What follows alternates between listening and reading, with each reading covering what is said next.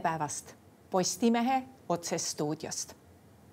selle nädala lõpus valib Keskerakond endale uue juhi. meil on stuudios praegune Keskerakonna juht Jüri Ratas, tere päevast. tere päevast ja aitäh kutsumast. no kuidas praegu jõudude vahekord on, kellest saab või kellest võib saada Keskerakonna uus juht, Tanel Kiigest või Mihhail Kõlvartist?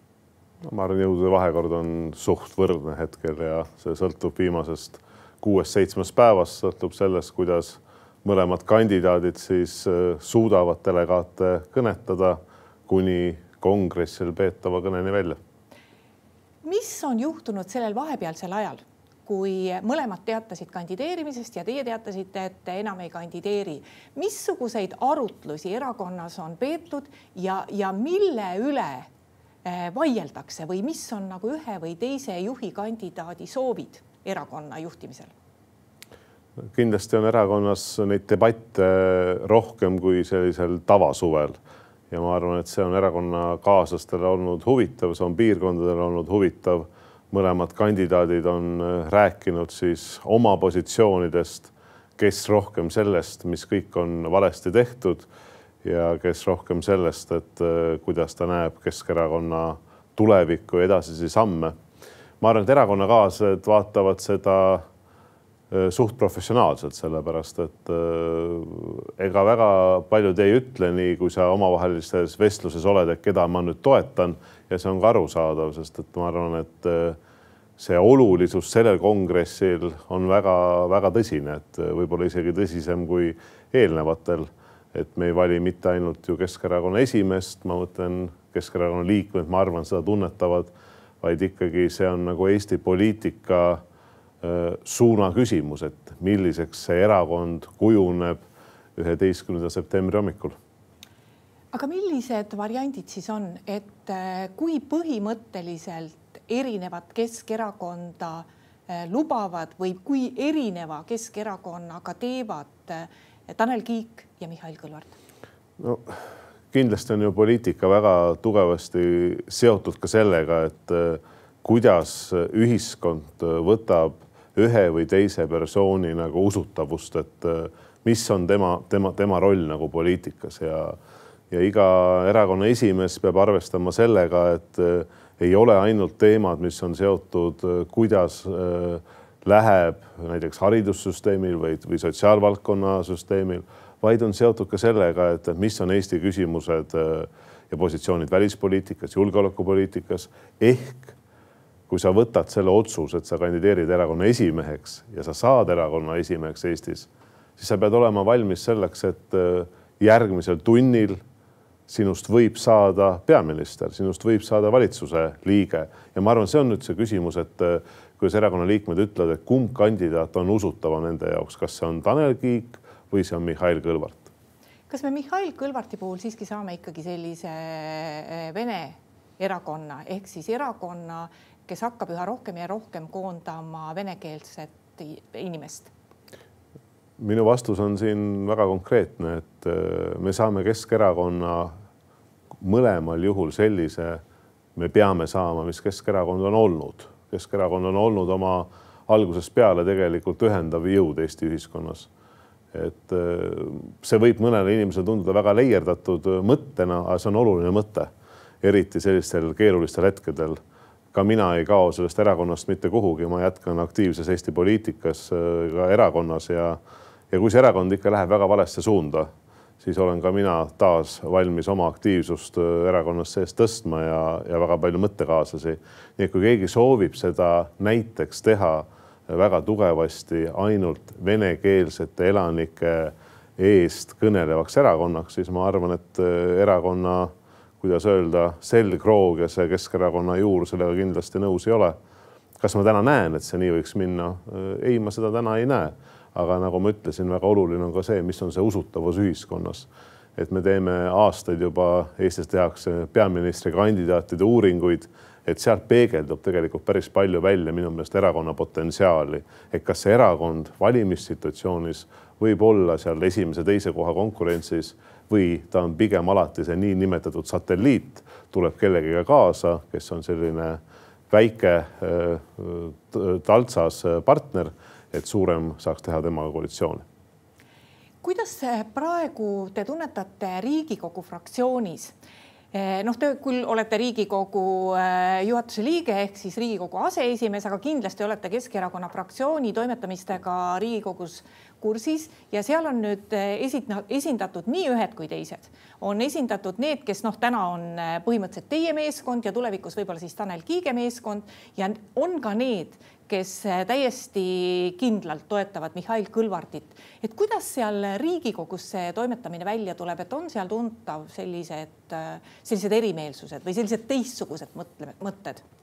ma kõigepealt ütlen seda minu või kellegi teise meeskond, et ma olen erakonnas olnud kakskümmend kolm aastat, viimased seitse aastat erakonna esimees ja alates viiendast novembrist kaks tuhat kuusteist ma ütlesin seda välja ja ütlen ka täna välja, et, et ma olen olnud alati kõigi Keskerakonna liikmete esimees, kas nad mind toetavad või mitte, aga ma olen sellest lähtunud.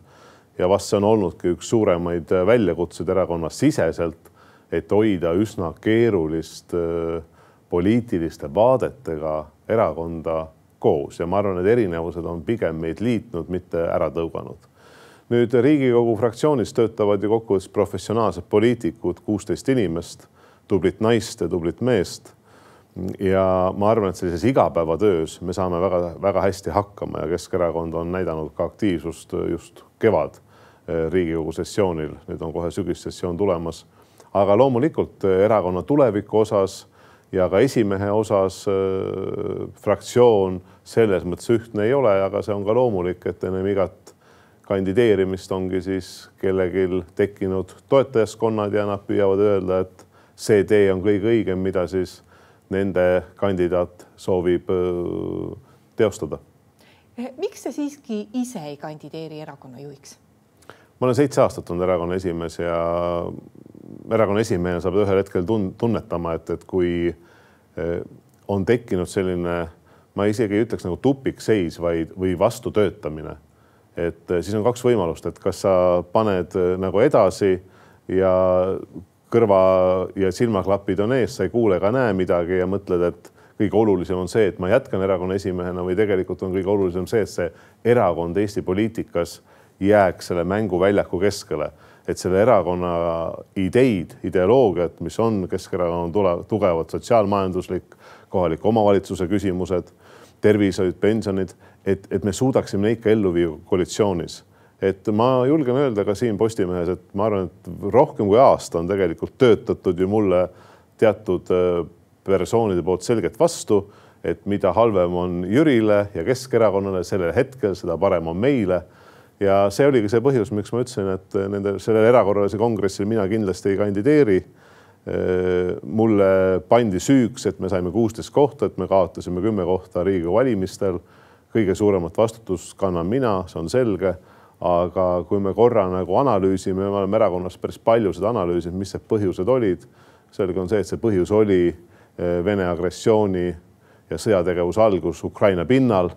Keskerakond ei suutnud neid sõnumeid anda kohe väga selgelt välja ja mis viis eh, selgelt eh, ütleme meie valijat, aga ka meie liiget noh, ütleme teadmatusse eri pooltele. nii et kokkuvõttes see, et erakond saaks edasi minna, täna ma arvan, et on õige minul sel korral mitte kandideerida. kas te usute, et äh, erakonnas võib saabuda rahu, kui üks või teine saab erakonna juhiks? See sõltub sellest, et äh, kas see võitja suudab äh, ulatada selle koostöö käe, et erakonnas mitte midagi üksinda ei tee, isegi sa ei tee poole erakonnaga midagi, et sa pead sellest hetkest ennast positsioneerima erakonna esimeheks no minul oli seda kaks tuhat kuusteist november. ma mäletan, et mõni kuu hiljem hakkasid tulema üles küsimused, et Yana Toom ja Olga Ivanova ja Oudekki Loone soovisid teha ühtset valimisliitu Edgar Savisaarega ja kohalikud valimised olid tulemas kaks tuhat seitseteist oktoober, vähem kui aasta pärast, et nagu ma ütlesin, et see oli päris suur töö, et seda erakonda koos hoida. Ja ma arvan, et ma sain sellega päris hästi hakkama, sest et kaks tuhat seitseteist kohalikud valimised me võitsime. nii et eh, sõltub väga palju esimehest, kas eh, soovitakse teha koostööd või läheb selline tühistamise äh, suund. Ja ma arvan, et see on väga halb erakonnale, et ma usun, et siis on piisavalt neid pikaajalisi keskerakondlasi, kaasa arvatud ka mina, kes siis soovivad neid samme teha, et see erakond taas tõmmata õigele rajale, et, et selge on see, et Keskerakond on minu erakond. no selle viimase nädala jooksul, nii nagu on kuulda Eh, Tallinnast ehk siis Tallinna volikogust eh, esitatakse tõenäoliselt Mihhail Kõlvartile veel ka umbusaldusavaldus, aga see on nüüd nagu väga puhtpraktiline umbusaldusavaldus, mis tundub, et linnapea puhul eh, selle liikluskaose juures, mis on, on ka päris õigustatud või ma ei tea, kuidas teile tundub, et et no te olete Tallinna linnapea olnud ja kujutate ja te olete olnud ka abilinnapea, kelle valdkonda sellised kriisid kunagi kuulusid. see oli küll eelmisel sajandil, aga te kujutate ka ette, et kui keeruline see on, et kas see, mis Tallinnas toimub, on läinud üle käte, on see halva juhtimuse tulemus, see, milles me kõik oma autodega oleme ja ka muide ühistranspordiga või, või see on paratamatus ja antud juhul lihtsalt eh, vastaspool ehk siis antud juhul Tallinna opositsioon tahab ennast näidata? No kõigepealt ma olin abilinnapea sellel sajandil, nii, nii vana ma äh, ei ole, aga, aga tõesti kommunaalvaldkonna eest ma vastutasin ja päris suured teedeehitused, ma mäletan Laagna tee läbimurre Peterburi maanteeni ja Rahu teega ühendamine või Narva maantee kesk, kesklinna osa, et need olid tõesti sel hetkel, kui ma olin abilinnapea minu vastutuse all või Tartu maantee väljaehitamine. aga nüüd, kui vastata sellele küsimusele, siis ega neid teid kuskil kasutades ühe endise ametikaaslase ametniku sõnu kuskil põllu peal valmis ei ehita ja siis helikopteriga Tallinna kesklinna tagasi ei too, et neid tuleb ikkagi Tallinna liikluses ehitada. ja ma arvan, et ega muud võimalust ei olegi, et, et seda vastutust linnavalitsus peab alati võtma. kas sellel suvel ja sellel sügisel on liikluskaos suur? muidugi on suur. väga palju teeobjekte on ehituses, mis on halb, halb on see, et kooliaasta alguses ei ole tegelikult põhituiksooned valmis saanud ja me sõidame tööle kooli ma arvan, et vähemalt kaks korda, korda rohkem, kui palju selles liikluskaoses on inimesi, kellel on mingid terviseprobleemid tekkinud, kellel on äh, tekkinud avariid, et seda on kindlasti rohkem kui tavaliselt. nii et äh, ma, kas linnapea väärib selle osas umbusaldust? kindlasti mitte, ma arvan, et ta ei vääri selles osas umbusaldust. et mida võinuks teha teistmoodi, me peame arvestama, et, et tänasel, sellel suvel on ka äh, trammitee ehitamine, mis on üldse noh, väga suur projekt Tallinnas, et me ehitame üldse trammiteed ühendamine sadamalaga, et äh, ja siia tulevad juurde ka teised tee-ehitused, et, et see on kindlasti selle Tallinna, mis selline kikilipsu kujuline on, selle tuiksooned väga tugevasti kinni pannud. Äh, võib-olla mõned objektid võinuks jääda sellel suvel ära, mis oleks pakkunud natukene leevendust. aga täna võib siin öelda, et ega linnapea umbusaldamine, kui see peaks ka tulema linnavolikogus, kindlasti läbi ei lähe räägime nüüd Riigikogust ka, sest Riigikogu alustab juba täpselt nädala pärast. Ja eh, ei ole keegi suutnud väga usutavaid seletusi anda, et mismoodi siis Riigikogu sügisel saab üldse edasi töötada, töötada, sest kevad lõppes ju opositsiooni poolt tohutu obstruktsiooniga ja võimuliidu poolt sellega, et eh, olulised eelnõud võeti vastu usaldushääletusega, mis tähendas, et selline normaalne parlamentaarne diskussioon praktiliselt parlamendis lõppes mis sügisel saab, kas praegu mingisuguseid kokkuleppeid on tehtud juba? lühidalt öeldes ma arvan, et see võti on valimiste võitja Reformierakonna käes. ja, ja ma peangi silmas just Reformierakonda äh, ja eeskätt nende juhatust, nende fraktsiooni. Nemad on valimiste võitja, nendel on kõige suurem vastutus. Äh, see, kuhu Eesti on ka viimase kahe nädala jooksul jõudnud, äh, kus on Kaja Kallase ja peaministri äh, ütleme siis idavedude, idasuunaliste vedude skandaal Venemaale, mis on kestnud, et selge on see, et, et see on väga suur miinusmärk Eestile välispoliitiliselt nii Euroopa Liidu kui NATO tasandil. meie usutavus ja usaldusväärsus on kindlasti väga kõvasti langenud mõlema laua taga. sisepoliitiliselt ma arvan, see tähendab täielikku patiseisu ma ütleks ummikseisu, ma arvan, et see Riigikogu on veel suuremas poliitilises ummikus, kui ta oli kevadel. ma ei räägi ainult mingisuguse eelarve menetlusest, vaid kõikidest seaduseelnõudest. et küsimus on täna selles, et kas Riigikogu usaldab Kaja Kallast kui peaministrina ja ma arvan, et mitte ainult opositsioon, vaid ma julgen öelda ka laiemalt juba täna tegelikult seda usaldust ei ole see ei tähenda seda, et see koalitsioon peab kukkuma, Reformierakond, Eesti kakssada, sotsiaaldemokraadid saavad edasi minna. mõned nende juhtpoliitikud on ju ka öelnud, et üks on koalitsiooni küsimus ja täiesti eraldi küsimus on siis peaministri küsimus, nii et ma arvan jah, see võti on suuresti selles, et kas Kaja Kallas jätkab peaministrina või mitte ja see otsus on teha, Reformierakonna teha. kas umbusaldusavaldus opositsiooni poolt tuleb? kindlasti see ühel hetkel tuleb, aga see ei ole mingi eesmärk omaette, et, et ega opositsioon ja ka minu soov ei ole see, et, Riigikogu on põhimõtteliselt lukus, et Riigikogu ei suuda töötada, meil on seal kümneid, kui mitte sadu arupärimisi, seaduseelnõusid, mida kõike peab menetlema. Täidesaatev võim, seadusandlik võim. Ja tegelikult me näeme, et, et Riigikogu on igas mõttes umbes. Ja siin on vaja sellist poliitilist, ütleme debatti. Ja kes seda peab vedama täna, seda suuresti peab vedama Riigikogu esimees läbi vanematekogu, aga olgem ausad, ka Riigikogu esimees ei suuda seda, Lauri Hussar seda teha, sest et seda platvormi ei anna talle Kaja Kallas ja Reformierakond, et neid kokkuleppeid teha. Nii et äh, ma arvan, et ka tänane Riigikogu esimees ja Eesti kakssada on väga keerulises seisus. Nii et ma saan teist õieti aru, et äh, praegu ei ole küsimus enam selles, et noh, et opositsioon on eh, paljude maksutõusude vastu, osa neist on ära tehtud, osa võib-olla seisavad, seisab veel ees, automaksust on räägitud, et praegu ei ole nagu kauplemise objekt enam see, et noh, et Eh, laske meil see maksutõus ära teha ja võib-olla me tuleme siis ka opositsioonile vastu, vaid praegu opositsioon on kindlasti seda meelt, et kuni peaminister on Kaja Kallas, ei ole üldse millestki rääkida ma arvan, lühidalt on vastus jah, et eh, kui me räägime sellest maksutõusudest, siis see koalitsiooni teerull ju töötas kevadel ära. opositsiooni oma kompromissettepaneku kaksteist mai tegi, sellele koalitsioon tegelikult pole vastanud, on vastanud läbi oma teerulli, kus need otsused kõik vastu võeti. ma arvan, poliitiline kokkulepe peaks olema lühidalt see, et Riigikogu läheb tagasi normaalsusesse nii opositsiooni kui koalitsiooni poolt, aga see vale ja see, ütleme, väga suur moraalne pihta saamine, mis on tänu Kaja Kallasele Eestile nii välis kui sisepoliitiliselt täna juhtunud, et selle peab ära lahendama Reformierakond.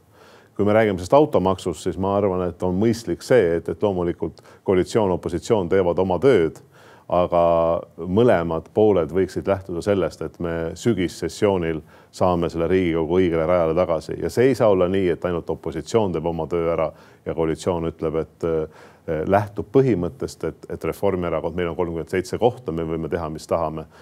ei või teha, mis tahame, et kui me vaatame ka Läti valimisi võitis peaministri erakond, tõusis põhimõtteliselt väiksemast erakonnast suurimaks erakonnaks ja ka täna toimub äh, Lätis tegelikult peaministri vahetus. et see mm, tänane Eesti seis ei ole muidugi võrreldav Lätiga, aga kui on taas väga suur arrogantsus, ülbus, siis tegelikult poliitiliselt tekib ka selgelt vastujõud ja täna opositsioon ütleb, et, et Eesti on nii tugevalt selle vale ja skandaaliga pihta saanud, et siit edasi nii minna ei saa automaksu osas ma ütlen nii palju, et ma arvan, et Eesti ühiskond seda tõesti täna ei vaja. Äh, kui seda soovitakse teha, eks siis koalitsioon teeb selle ära. aga, ja mis lööb selgelt kõige tugevamini just inimesi, kes on väljaspool Tallinnat või Tartut ehk maapiirkondasid, mida võiks kaaluda minu arvates poliitiliselt on sellise luksusmaksu kehtestamine, kui on kallid autod, siis selle pealt tehakse ka suurem maks no te olete peaministrina elanud selle läbi, kus väga kiiresti tuleb võtta vastu otsus, kas astuda tagasi või mitte. Eh, kui oli see Porto Franco lugu, kui palju oli, noh, tegelikult ajaliselt läks see väga ruttu, kui palju te võtsite ise mõtlemisaega ja kui te täna tagasi vaatate, kas, kas see oli õige, et te tol hetkel tagasi astusite peaministri kohalt? jah, ma arvan, see aeg oli kokku, kui ma seda infot sain teada mõne, mõned kümned tunnid, mitte rohkem. seda on alati hea ju elus küsida, et kui sul on see teadmine, mis sul on täna, kuidas sa teinuks siis kaks tuhat kakskümmend üks, kolmteist jaanuar. mu vastus on teinuks samamoodi. et, et selles mõttes ma ei kahetse, et see, ma arvan, et on nagu poliitilise kultuuri küsimus. mina ei olnud ei kahtlustatav, ma ei ole süüdistatav aga milles oli minu jaoks kõige suurem probleem, et kui kaks tuhat kuusteist ma tõusin Keskerakonna esimeheks, siis minu üks põhitelg oli see, et erakond peab korruptsioonist saama puhtaks. ja, ja ma olen seda tööd teinud seitse aastat, pannud sinna oma jõu, teinud seda nii hästi, kui ma olen osanud ja ma arvan, et erakonna käekiri on väga tugevalt muutunud. see oli väga valus löök ja see, ma ütlen, see Porto Franco kahtlustus, kuna selle sai MTÜ Eesti Keskerakond, siis ma pidasin õigeks, et äh, selle ütleme pinge all äh, terve erakond, et me jätkame igal juhul hoiame kümne küünega sealt peaministri toolist kinni. et äh, see varem või hiljem, selge on see, et pigem varem lõpeb niikuinii selle koalitsiooni lõppemisega. no nädalapäevad on siis teil jäänud veel erakonda juhtida, et poliitikas muidugi emotsioonidest väga palju ei räägita, räägita, aga siiski, et teie tõus Keskerakonna juhiks ja see põhimõtteline muutus, mis siis toimus, oli ju väga suur. ja, ja tegelikult seda teie tõusmist Keskerakonna juhiks eh, tervitasid isegi need, kes Keskerakonda ei poolda ja Keskerakonna põhimõtteid ei jaga ja ka Keskerakonda ei vali. aga ometi nad sel hetkel eh, tunnistasid, et see oli väga hea, et teist sai erakonna juht. kas teil täna kahju on ka, et, et noh, et te praegu nagu eh, siiski astute tagasi. Näiliselt olukorras, kus ju eriti väga palju midagi lahti ei ole, te ju tegelikult suudaksite ka selle erakonna sees oleva opositsiooniga siiski hakkama saada. no kõigepealt, et äh, ei ole ju olnud minu soov, et äh, kõike seda musta pesu pesta väljaspool Keskerakonna ütleme kontorit ja, ja arutelu nõupidamisi, et äh, nagu ma ütlesin, et see vastutöötamine on aasta toimunud ja loomulikult ma saan isiklikult sellega hakkama ja, küsimus on selles, et, et see viib täna nagu erakonda alla ja, ja erakonna esimehena ma näen, sa pead ikkagi poliitikas võtma mingisuguse tee, kus sa näed, et, et jah, sellel teel võime me õnnestuda ja ma arvan, läbi selle kongressi, kui delegaadid teevad äh, hea valiku, siis me võime õnnestuda ja erakond läheb edasi ühtsena ja, ja tugeva erakonnana, see on ka ju minu soov. nüüd, kas ma kuidagi midagi kahetsen, et ma ütlen, et äh, südamepõhjast. see on olnud suur au, see on olnud minu jaoks suur võimalus läbi ütleme erakonna saada poliitiliselt selline kokkulepe siis, et teenida Eesti riiki vabariigi peaministrina üle nelja aasta, neli aastat ja kaks kuud. sinna sisse on väga palju mahtunud. me olime kümme aastat opositsioonis, lõhkuda ära kõigepealt mitte ainult see opositsiooni ahelad erakonna mõttes, vaid seal olid opositsiooniahelad ja ka erakond oli isolatsioonis tegelikult teiste erakondade poolt Eestis. ma loodan, et sinna Keskerakond tagasi kunagi ei satu. Äh, me oleme suutnud kümme aastat see erakond rääkida selles opositsiooniplatvormis kogu aeg nagu oma sõnumeid, mida sa siis kunagi ei suuda ju koalitsioonis sada protsenti ellu viia ja kui me läksime kaks tuhat kuusteist äh, novembri lõpus äh, koalitsiooni sotsiaaldemokraatide Isamaaga, me siis tegelikult ju suutsime nagu oma põhitelgesid ellu viia, mis oli tervishoiupoliitika, mis oli maksusüsteemi muudatus, toona tõusis tulumaksuvaba miinimum viiesaja euroni, põllumajandus, toetused, kohalike omavalitsuse toetused, need on mõned näited. me oleme teinud viimase seitsme aasta jooksul ära kolm erakorralist pensionitõusu, et ma arvan, et ja lisaks siia mahtus ka Eesti eesistumine Euroopa Liidus, et, et need on olnud väga suured ja põhimõttelised muutused. nii et minu südames on tänutunne ja ma vastan sellele ühele asjale veel, mis te ütlesite, et samm tagasi. see lause läheb tegelikult edasi, et tehakse samm tagasi, et siis astuda mõnikord kaks sammu edasi. Jüri Ratas, aitäh tulemast stuudiosse. ja aitäh ka kõigile neile, kes meid vaatasid. Postimehe järgmine otsesaade on eetris juba homme. seniks lugege uudiseid postimees.ee. thank you